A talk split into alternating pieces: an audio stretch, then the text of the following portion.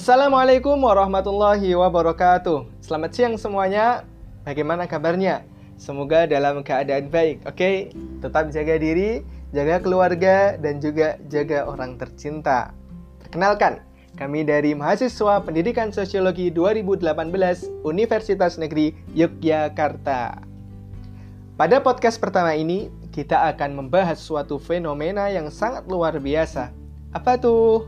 Yaitu tentang toxic relationship yang berujung pada kekerasan. Tentu saja, saya tidak sendirian nih teman-teman. Pada podcast ini kita akan dipandu dan dibersamai oleh seorang moderator kita yang luar biasa yaitu Mbak Natalia Yusinta. Dan juga tak lupa pembicara kita yang akan membahas tentang toxic relationship yang berujung pada kekerasan, yaitu seorang konselor dari Rifka Anissa. Dia adalah Mbak Budi Wulandari. Oke, langsung saja kita mulai kepada Mbak Natalia dan Mbak Budi Wulandari kami persilahkan. Baik, sebelumnya mari kita berkenalan dengan salah satu konselor dari Rifka Anissa Women Crisis Center. Kepada Mbak dipersilahkan. Terima kasih, perkenalkan saya Budi Wulandari, saya biasa dipanggil Wulan, saya adalah konselor psikologi di Rifka Anissa. Saya sudah bergabung di Rifka Anissa dari tahun 2010 dan uh, saat ini saya sering menangani kasus-kasus perempuan korban kekerasan berbasis gender. Oke, baik. Hmm, jadi pertanyaan yang pertama ini, Mbak, dari yang umum dulu sebelum kita berbicara lebih jauh lagi menurut Mbak toxic relationship itu sendiri apa sih? Uh, menurut saya toxic relationship adalah hubungan yang di mana dimainin dengan adanya kekerasan baik itu kekerasan fisik, psikis, uh, seksual, sosial ataupun ekonomi sehingga membuat salah satu uh, pihak itu merasa dirugikan. Jadi tidak saling menguntungkan padahal yang namanya uh, relation adalah kaitannya saling menguntungkan satu sama lain, bermanfaat, berguna dan ke depannya itu memberi apa ya dampak yang baik untuk untuk masing-masing pihak. Baik. Lalu dengan adanya kajian-kajian gender apakah kasus kekerasan saat ini berkurang atau bertambah ya Mbak? Uh, saya rasa mereka terus menyadari ya, oh ternyata yang aku alami ini kekerasan ya, apalagi dalam kasus-kasus remaja. Jadi uh, ketika mereka mengalami kekerasan, oh ya ternyata dalam pacaran pun ada kekerasannya, sehingga mereka menyadari oh itu termasuk kekerasan dan bagaimana saya bisa menghentikan kekerasan menyudahi kekerasan atau mereka minta bantuan ketika mendapatkan atau setelah mereka mendapatkan apa yang bisa dilakukan untuk menyelamatkan dirinya sendiri. Karena terkadang mereka tidak sadar bahwa apa yang dia lakukan saat ini adalah kekerasan uh, dia adalah korban kekerasan. Saya masih menyangkal bahwa ah aku bukan korban mungkin itu bentuk sayang dari pasanganku. Tetapi setelah mereka terpapar isu gender bahwa ada ketidakadilan, ada kekerasan, kemudian ada stereotip dan sebagainya. Terus mereka, oh iya, aku ini korban dan aku tidak boleh dong diperlukan seperti ini dan aku harus minta uh, perlindungan atau lapor atau sekedar cerita ke teman sebaya peer uh, peer groupnya. Kemudian dari peer groupnya mereka disarankan yuk kamu konseling kamu konsultasi kayak gitu. Baik.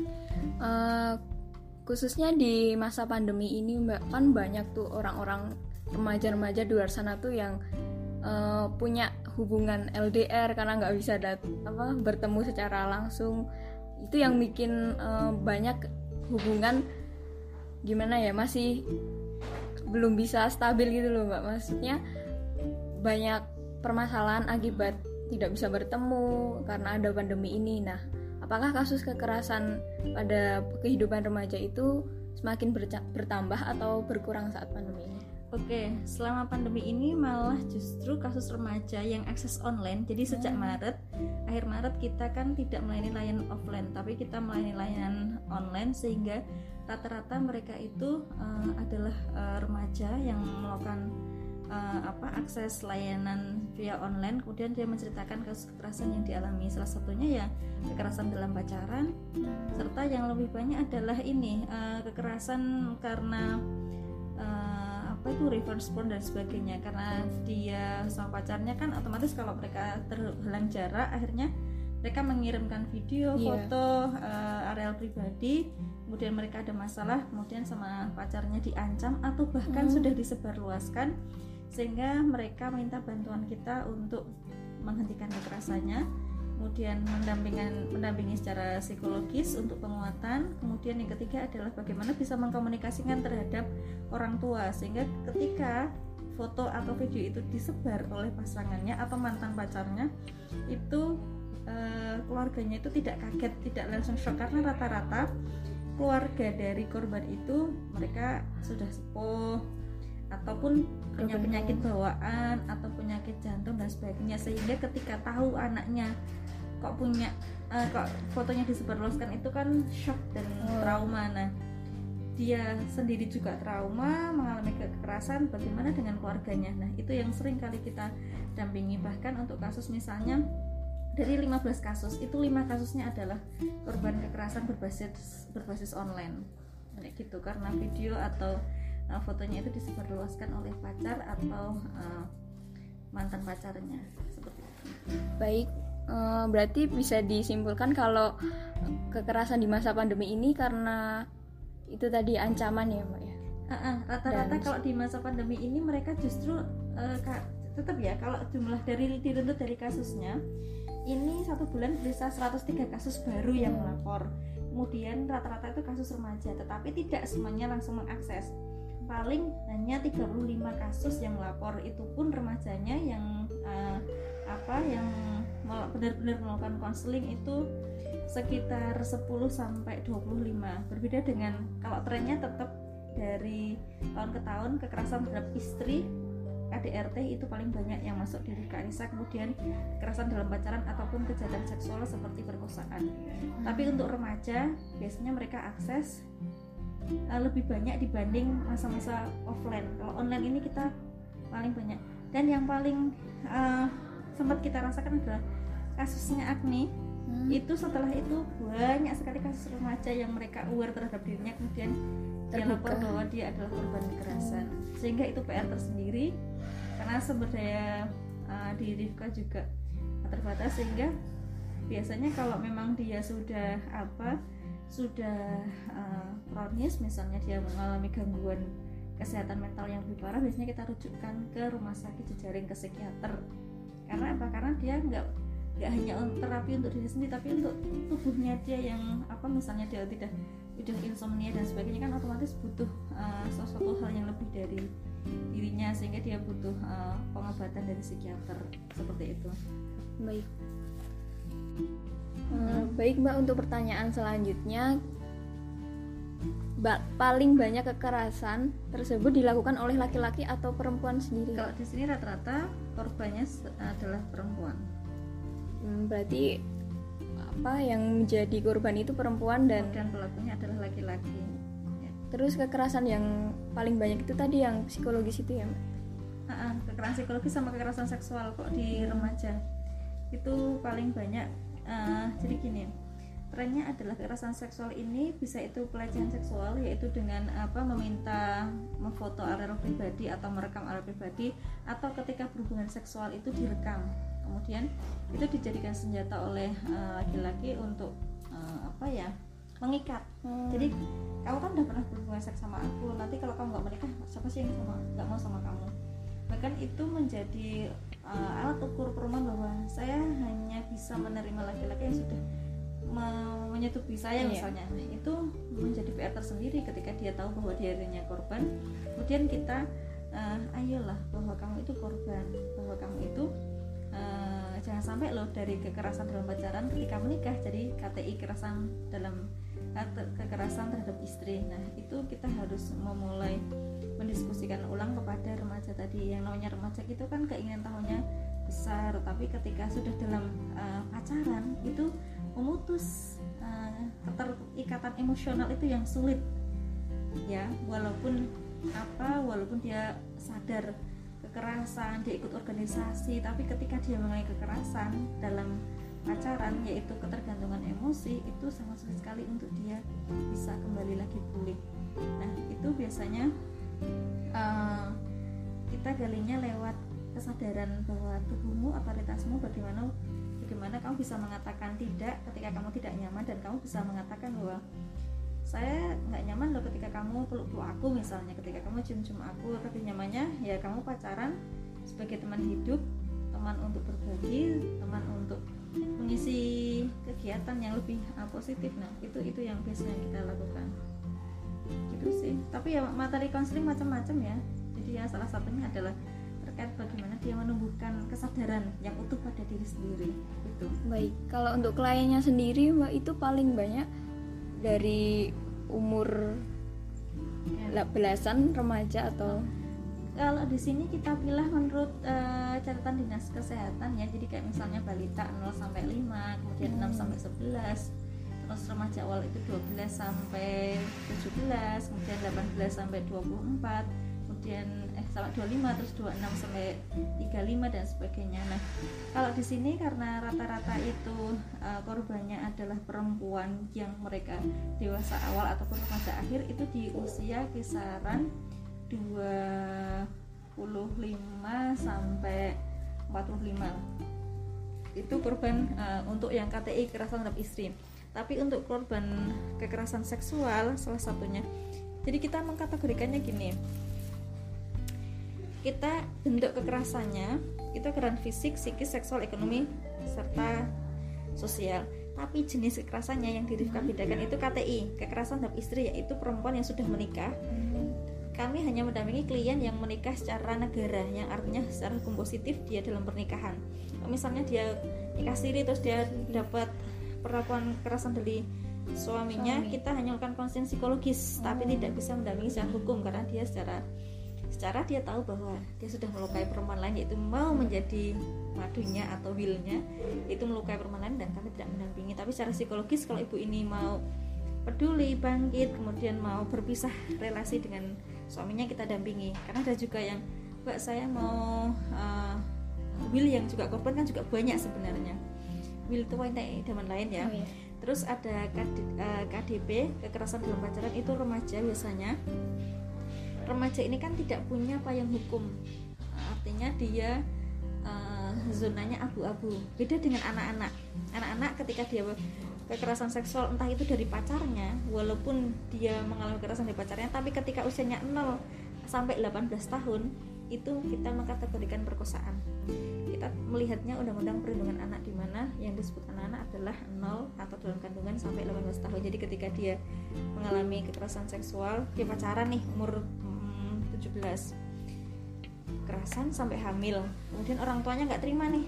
Maka ini termasuk kategori perkosaan. Karena secara uh, hukum tadi undang-undang perlindungan anak bahwa dia masih kategori anak-anak. Kemudian ada pelecehan seksual. Pelecehan seksual tadi tidak harus berhubungan seksual.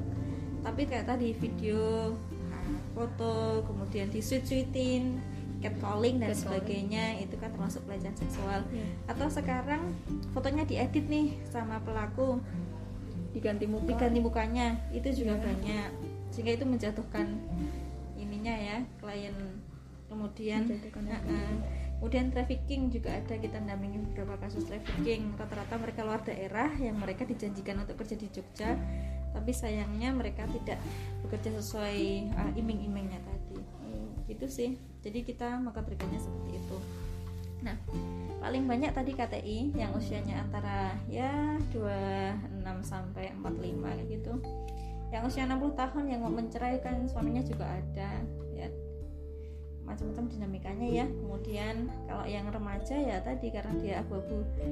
Kalau yang anak-anak tadi karena ada UPA kalau yang kalau yang sudah menikah itu ada undang-undang KDRT nah kalau yang remaja ini kita biasanya karena perkosaan murni atau karena tadi relasi kuasa. Sehingga kita biasanya kita melihat dampaknya lewat uh, pemeriksaan psikologis yaitu uh, tes psikologi kemudian kita membuat HPP atau hasil pemeriksaan psikologis seperti itu. Untuk dampak dari klien sendiri mbak itu apakah mereka pernah ada yang sampai lumpuh atau hanya psikologis sendiri yang terkena oke kalau dampaknya macam-macam ya? Yang jelas uh, kalau terkait dengan kesehatan misalnya terkait dengan kesehatan mental dia mungkin ada perubahan berat badan perubahan pola makan kemudian perubahan perilaku secara emosional juga mudah menangis dan sebagainya. Kalau untuk kesehatan fisik mungkin uh, sakit di bagian tertentu kayak gitu. Atau ada luka fisik uh, kemudian dia menjadi tidak bisa tidur. Uh, klien saya ada yang urat tendanya sini putus ya karena kekerasan. Kemudian kalau yang apa seksual ya IMS, HIV AIDS, kemudian hamil, aborsi tidak aman, kemudian ada yang apa keguguran dan sebagainya. Itu dampak-dampaknya. Macam-macam sih. Tapi kalau rata-rata klien yang remaja yang kekerasan dalam pacaran mereka memilih aborsi tidak aman. Ilegal dengan cara beli obat online kayak gitu terus dia mengukurkan kandungannya dia tidak mengecek kesehatan tentang kondisi setelah pasca uh, meluruhkan kandungan. Itu yang paling bahaya. Ketika dia sadar bahwa dia sudah aborsi tidak aman biasanya kita rujukkan ke tenaga medis terdekat. Rifka kan jejaringnya ada dari rumah sakit, polisi serta dinas-dinas. Nah, karena yang punya layanan itu adalah uh, apa rumah sakit ya kita rujukkan rumah sakit untuk cek apakah aman tidak untuk apa kesehatan reproduksinya. Gitu. Hmm, kalau untuk korbannya sendiri, apakah di Jogja ini banyak mbak untuk perempuan-perempuan remaja yang milih Rifka Anissa sebagai oh ya banyak nyatanya ada 130 setiap bulannya wow. dan kita kan karena online ini mereka lebih fleksibel ya. Hmm. karena kan chat via online WA WA kemudian via email itu banyak. Kemudian via telepon juga bisa tapi mereka milih kalau yang anak-anak muda biasanya mereka milih pakai anu email. Hmm. ya. Tanpa bertatap muka ya gitu tanpa bertatap muka. Mungkin uh, apa ya kondisinya juga tatap muka kan kayak menyebutkan Iya, diri dan identitas. sebagainya. Nah itu sih. Tapi sebelum kita uh, menjadi klien kita kita screening dulu nih kamu domisili di mana? Oh. karena jangan sampai uh, itu tidak domisili juga. Misalnya kita butuh HPP nih. Kan kalau HPP itu kan harus ketemu tatap muka. Hmm. kalau di luar daerah kan selain pandemi ongkos dan sebagainya. Karena di setiap kabupaten setiap kota itu sebenarnya ada pusat layanan terpadu UPT namanya itu yang ada di setiap kabupaten. Itu miliknya pemerintah. Ada psikologinya ada ahli hukumnya ada konselornya. Nah kita kan yang mendorong supaya mereka itu uh, lebih dekat ke mereka. Tapi kalau mereka di Jogja dan masih menjangkau mereka ya silahkan untuk uh, apa mengakses. Dan kemudian kita ada form Google Formnya untuk mereka uh, data dirinya. Kemudian kronologis sedikit. Kemudian oleh hotline utama oh kira-kira ini kliennya remaja dan masih kosong nih Mbak Ulan atau siapa siapa siapa? Nah oleh uh, si adminnya tadi oleh miminnya tadi dioper ke mereka. Terus HP saya ini uh, itu yang satu HP hotline yang satu HP pribadi yang kita chattingan itu HP Iya. hotline. Jadi apa pada jam kerja dan sebagainya kayak gitu. Ada aturannya supaya kita kalau kembali ke rumah udah bawa HP bawa kasus lagi kan. Iya. jangan sampai kita juga lelah sendiri ya. Kecuali itu kondisi darurat misalnya gitu sih Kalau untuk klien-klien yang masih remaja itu kan pasti masih dekat juga dengan orang tua ya. Mbak. Eh, apakah pihak Rifka Anissa juga butuh bantuan pihak keluarga untuk menyembuhkan, untuk memulihkan psikologis dari remaja itu sendiri atau hanya dua? kliennya langsung gitu ya. Oke, untuk itu kita lihat di asesmen. Ketika di awal kita di asesmen bahwa oh dia uh, cukup uh, dari kliennya, tapi kita kadang um, perlu yang namanya psikososial. Psikososial itu adalah orang-orang terdekat dia. Misalnya adakah perubahan, adakah uh, perkembangan dari si klien tersebut? Kalau emang dibutuhkan kita bisa manggil orang tuanya atau teman peer, Mendekat, Nah, ah, peer groupnya peer grupnya dia seperti kasus Agni ini kan kita mengundang peer grupnya dia supaya dia dapat merasa ada support system karena orang tuanya kan di luar daerah atau kasus eh, KDP udah aborsi dua kali kemudian dia kehilangan teman-temannya. Dan akhirnya kita panggil orang tuanya atau pamannya untuk eh, apa untuk datang ke sini kemudian kita konfirmasi. Nah biasanya ini menjadi perlu supaya ad- apa apalagi kalau si korban ini dirujukan oleh orang tuanya untuk konseling Oh gitu. dia KDP jelas-jelas KDP udah masuk rumah sakit udah aborsi tidak aman dua Iya. kali aborsi kemudian udah self harm kayak gitu rata-rata self harm paling banyak eh, sudah cutting kayak gitu terus sudah kabur berkali-kali nah itu yang biasa kita lakukan adalah kita minta bantuan orang tua kita telepon atau kalau kalau karena pandemi ini ya kita telepon ya. ya. Kita konfirmasi apakah ada hal-hal yang membahayakan atau ada hal yang perlu uh, kita diskusikan bersama terkait dengan kasus ini. Nah, biasanya kita mengundang tadi orang-orang terdekatnya karena mereka lah yang akan tahu selama ya. dua uh, satu kali 24 jam sehingga mereka yang akan mm -mm. dan jangan sampai nanti self terus kebablasan. Oh iya, ya kan. Berbeda dengan laki-laki yang dia aku sama pacarnya aku kalau aku kalau nggak bersama kamu aku mau bunuh diri aja hmm. itu mah justru yang alah itu bunuh diri itu pun cuma untuk nakut-nakutin Nakut kalaupun dia mati karena bunuh diri itu karena tidak sengaja hmm.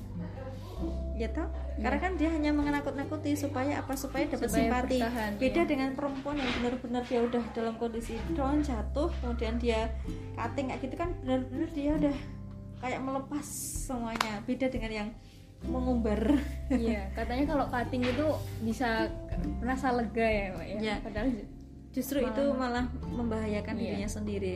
Pertama, urat kita kan di sini ya. Iya. Kedua, bagaimana dia uh, defense mekanismenya itu sudah rapuh. Hmm. Sudah rapuh, sudah tidak bisa apa di bangkitkan lagi. Nah biasanya kita kalau udah kayak gitu kita ke psikolog uh, rujukan. Nanti kalau memang tidak ke psikolog kita ke psikiater. Hmm karena takutnya adiktif ada masalah dikit langsung cutting adiktif nah, itu rata-rata kayak gitu ya klien saya beberapa kayak gitu dan itu melelahkan oh.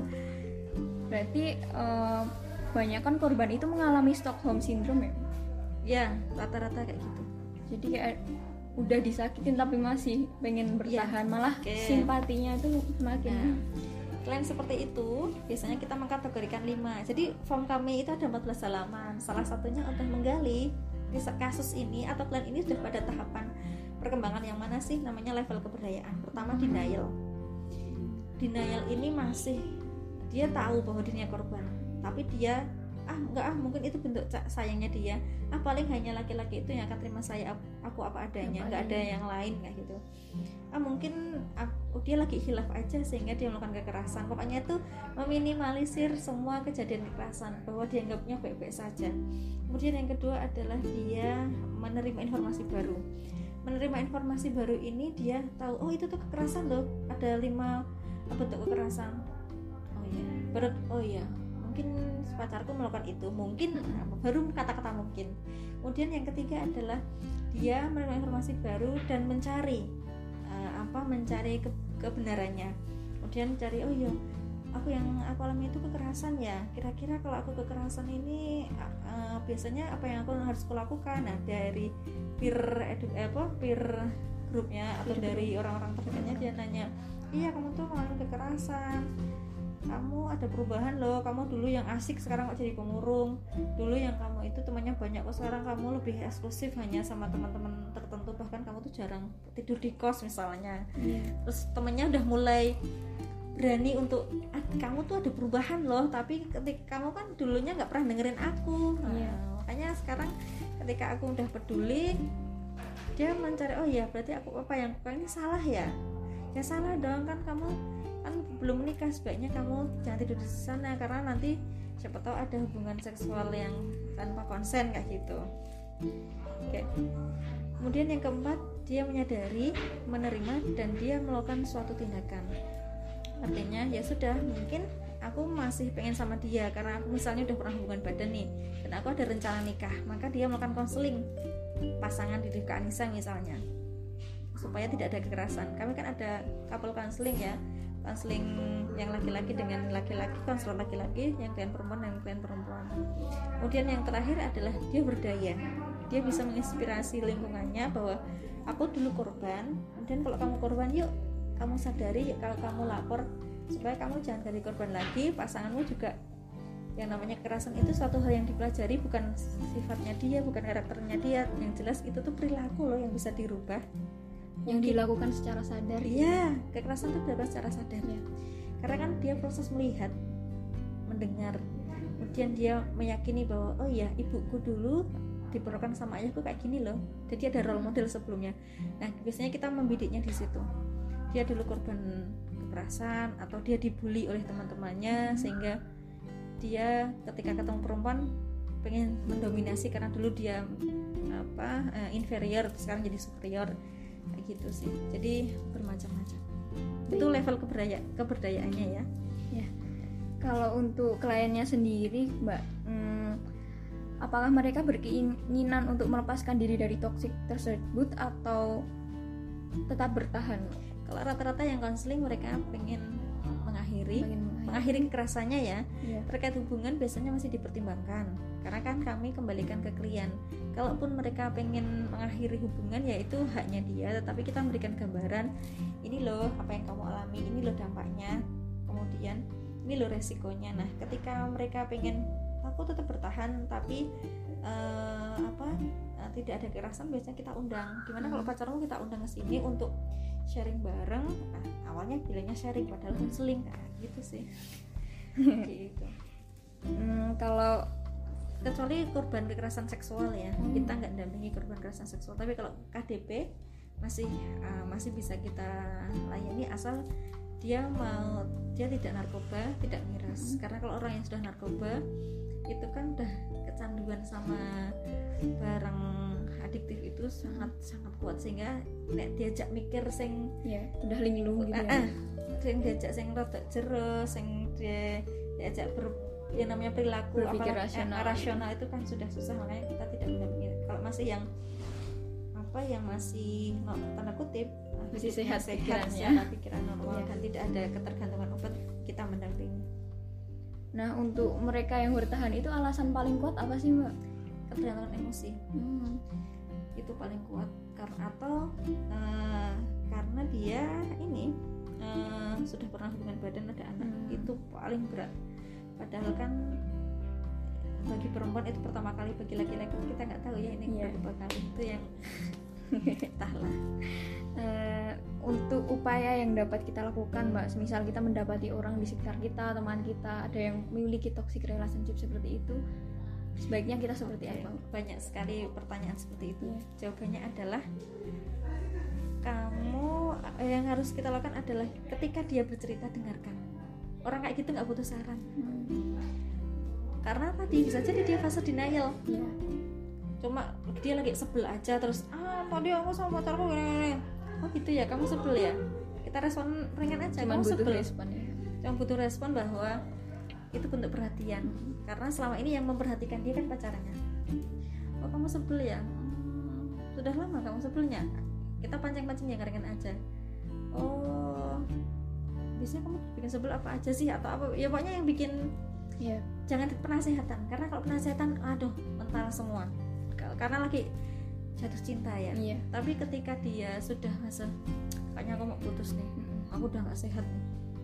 Masa uangku masa eh, banyak keluhan. Pokoknya nggak cuma dari segi emosional aja tapi sudah dari bermacam bentuk kekerasan dia sudah nyadari dampaknya. Berarti kan dia udah fase kedua dan ketiga. Lalu kita bisa masuk. Oh butuh konseling. Atau kamu butuh teman cerita? Yuk cerita aja sama aku. Terus oh kayaknya kamu perlu cerita sama orang yang lebih expert nih. Kamu ke konseling aja ke Rifka hmm. Nisa misalnya. Nanti kamu bisa kok dibantu untuk mengolah emosimu. Jangan-jangan kamu itu ketergantung emosi loh. Padahal kan kamu tahu itu tuh kekerasan.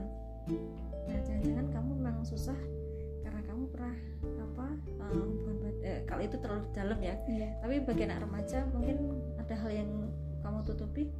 Tapi kamu bisa kok bisa apa bisa memutus uh, toxic relationmu itu asal kamu yakin bahwa kamu bisa mantapkan aja yeah. bahwa dia dirinya masih berharga. Yeah. karena kadang mereka itu orang konseling apalagi remaja ya. Itu yang pertama pengen didengarkan yang kedua butuh diakui bahwa dirinya itu masih berharga. Iya. Udah itu aja. Jadi yang pertama tuh kita harus sebagai teman harus mendengarkan ya iya. Jangan oh, nasihati iya. dulu. Soalnya mental fase denial itu udah orang KDRT 50 eh bukan 50 tahun ya pernikahan yang 20 tahun aja kalau dia masih denial dia masih aku mencintai dia lalu kalau untuk saran yang tepat agar kita sebagai perempuan-perempuan sendiri bisa terhindar dari hubungan yang tidak sehat seperti itu Oke, apa yang kalau aku yang paling penting adalah sadari bahwa kita itu berharga. Bahwa tubuh kita, pikiran kita, kita itu berharga. Artinya apa? Ketika orang ada yang menyentuh uh, bagian dari kita, kita itu merasa bahwa ini tubuhku aku berhak untuk menolak ketika dia mulai melakukan kekerasan. Atau ketika apa? Ketika dia sedang marah terus dia sengaja aku nggak sengaja kok. Sengaja nggak sengaja tapi aku tidak suka berkamu yang kedua adalah asertif komunikasikan secara asertif. Karena di awal itu kalau bahasanya cowok itu biasanya gini loh uh, ada rasa untuk ada rasa penasaran. Nanti Iya. kalau udah dapet diabaikan ditinggalkan atau malah dicuekin kayak gitu toh.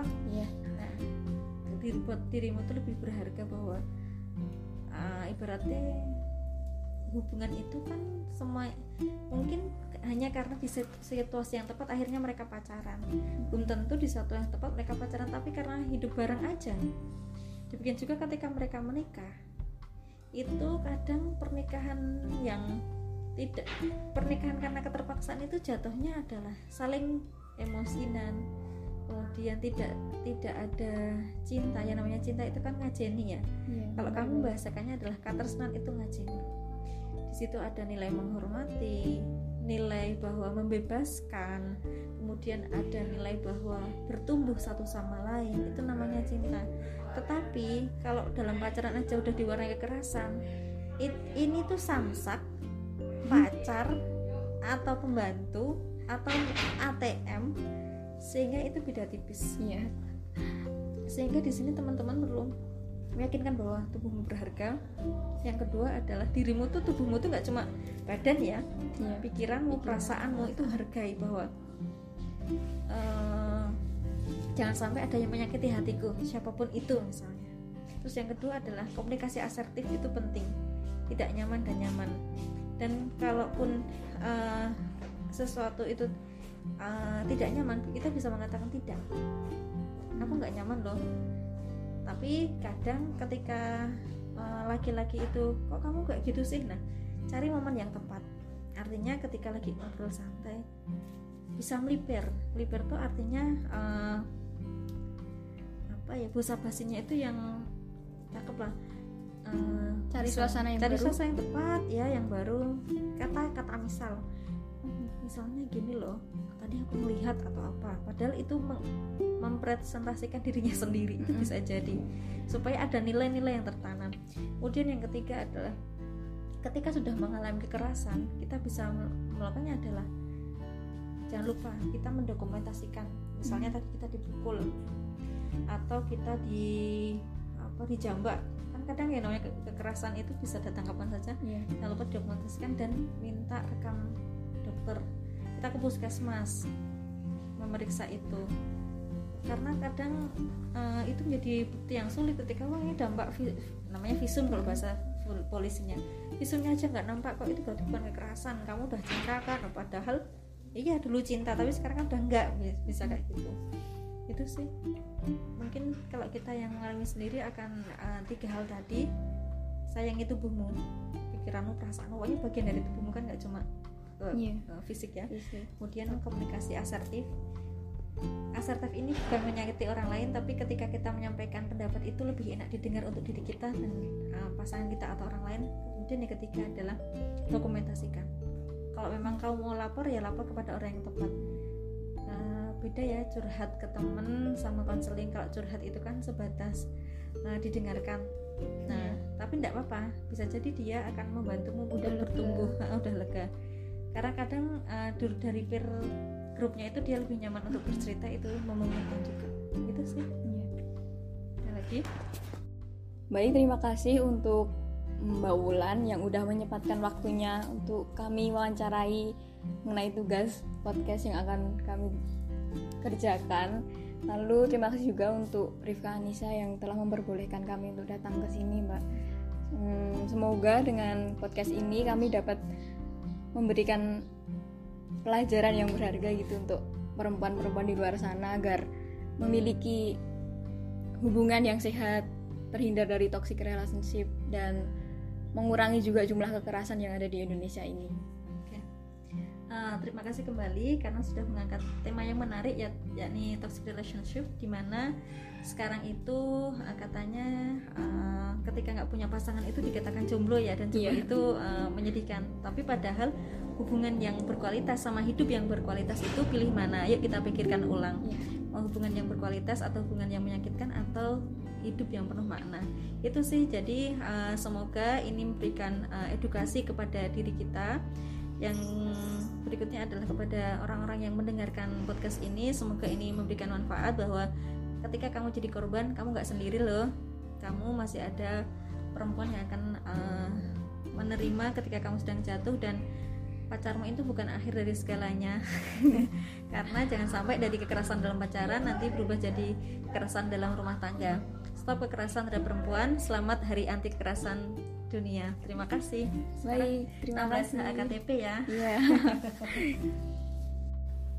Oke, baik terima kasih kepada Mbak Natalia dan Mbak Pulan yang telah membahas suatu bahasan yang sangat luar biasa sekali ya, yaitu tentang toxic relationship yang berujung pada kekerasan. Jadi kita bisa tahu nih bahwa saat ini tuh kayak kedudukan perempuan tuh masih dianggap rendah baik mereka yang sudah menikah atau bahkan yang belum menikah. Nah, ini kemudian menjadi tantangan kita ke depannya untuk menghadapi dan menyelesaikan permasalahan ini. Oke teman-teman, itu saja podcast kita pada hari ini. Terima kasih telah mendengarkan. Sampai berjumpa di podcast kita yang selanjutnya. Wassalamualaikum warahmatullahi wabarakatuh.